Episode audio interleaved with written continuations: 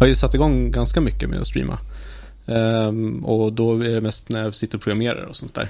Och man får jättemycket feedback. Folk som droppar in och så här, säger att ja, men varför gör du sådär? Eller man får sitta och förklara ens projekt eller vad man tänker och sånt. Och det är otroligt roligt. Men vad, har du för, vad, är, vad är det, vad är kanalen så att säga? Alltså... Alltså man har en egen kanal. Jag YouTube. via Twitch. Ja, jag. Twitch. Mm. Men man kan ju streama på YouTube och sånt Och då också. har du ett gäng followers typ. Eh, Vad streamar du? Nej, jag sitter och programmerar. Så okej. jag, eh, och ibland är det, sitter jag i Blender och gör 3D. Ibland sitter jag i Unreal och gör spel. Och ibland så, eller oftast är det programmering av olika projekt som jag streamar. Känner du dig mer stressad när du vet att streamen är på? Nej, tvärtom faktiskt. Eh, Man blir mycket mer lugn i det för att du måste sakta in så att folk hänger med i dina tankebanor. Och framförallt när du vill, måste sitta och förklara vad du gör för någonting så, så går det i ganska mycket lugnare tempo. Men blir du aldrig osäker? Alltså typ att folk, typ så här, varför, varför skriver du den där funktionen eller varför? Jo, det är klart, men då kan man ju också, då har man ju motpart att sitta och argumentera med eller resonera Ja.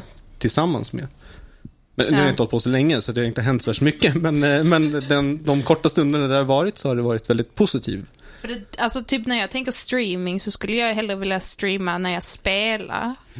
Eh, men att streama programmering gör mig jävligt, alltså det gör mig jättenervös. Alltså jag blir så här lite skakig bara jag tänker på det. Ja.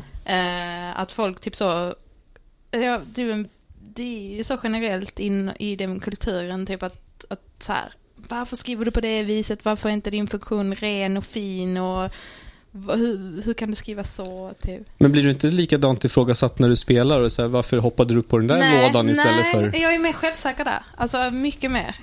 Eh, men jag vet inte om det är för att det har med ens jobb att göra eller att det, det finns så många programmerar typer som ska ha åsikter om allting. Det känns som mycket mer strikt liksom. Det är så här, så det ska vara så här. Mm. Gör du fel så då är du, då är du dålig typ. Mm. Den känslan har jag ganska mycket när det kommer till eh, programmering. Ja, jag brukar försöka kontra det där. Att man eh, genom att hela tiden säga att ah, men det där fixar jag sen. Så att om jag gör någonting och det är ganska kast eller så här dåligt jag vet att det är ganska dåligt eller att någon Mm. kan ifrågasätta det. Då säger jag så här, ah, men jag gör så här nu för att jag kan alltid förbättra det senare. Eller off camera eller någonting Mm. sånt där. Och då köper nog folk det lite lättare. Mm. Om det är en grej, om jag ska relatera till mig själv, om jag sitter i, i Blender till exempel, så är det rätt ofta som jag måste kolla upp grejer, hur man gör det. Alltså, en anledning att man glömmer bort och en anledning för att man faktiskt inte vet hur man gör. Om jag skulle sitta och streama live när jag gör det, alltså det skulle bli rätt tråkigt att sitta och titta på, för om jag, om jag ska göra en grej och sen så sitter jag och kollar på en kvarts tutorial i dubbelhastighet som jag brukar göra. och sen går jag och gör det Ja, själv. men eh, du kan ju lösa det genom att du, eh, att du gör den researchen innan. Du har en plan för vad du ska göra för den dagen. Ja, okej. Och sen så kollar du upp så att du är ganska medveten om så här, ja men åt det här hållet behöver jag gå eller någonting sånt där. Ja, så Du du har tänkt planera. innan ja, Ja. att du har, det här ska jag streama. Ja. Precis. Men då är det nog lättare. Men alltså, eh, jag blir så självmedveten bara, bara av att gå så live på Instagram eller någonting. Och sen så, alltså jag känner mig pinsam om jag kommer in och bara, ah, okej, den har streamat live och sen så är det så fyra pers där. Jag bara, shit. Eh, vi är bara fyra som tittar. Man vill att det ska vara så här Ja. 70 liksom. Så du måste ta ansvar också Ja, men för exakt, den som streamar. åskådare. Hallå! Ja, men då, då, då tänker jag bara, men då känner den här personen alla som är inne. Och nu kommer jag och, och, och bara, måste, jag vet inte.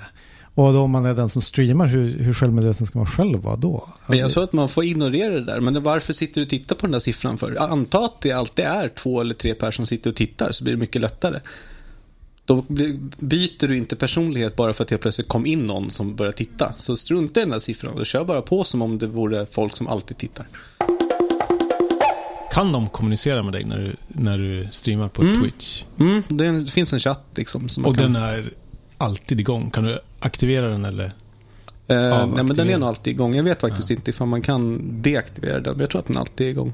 För jag, eh, alltså en anledning till att jag inte säger nästan någonting på sociala medier, det är för att när jag gör det och sen så skriver någon en kommentar så blir jag så här fan, jag måste svara på det också. Alltså jag, jag är rädd för att få kommentarer på det jag antingen skriver eller gör.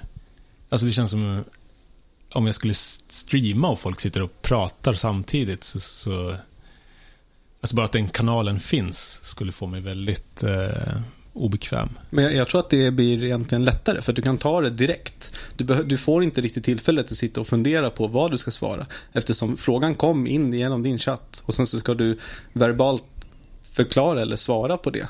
Du kan läsa upp frågan och så kan du säga, ah, men ja, jag tänker så här eller jag gör så här eller i Johannas fall, eh, jag hoppar upp på den här lådan för det tyckte jag var bra ställe att vara på.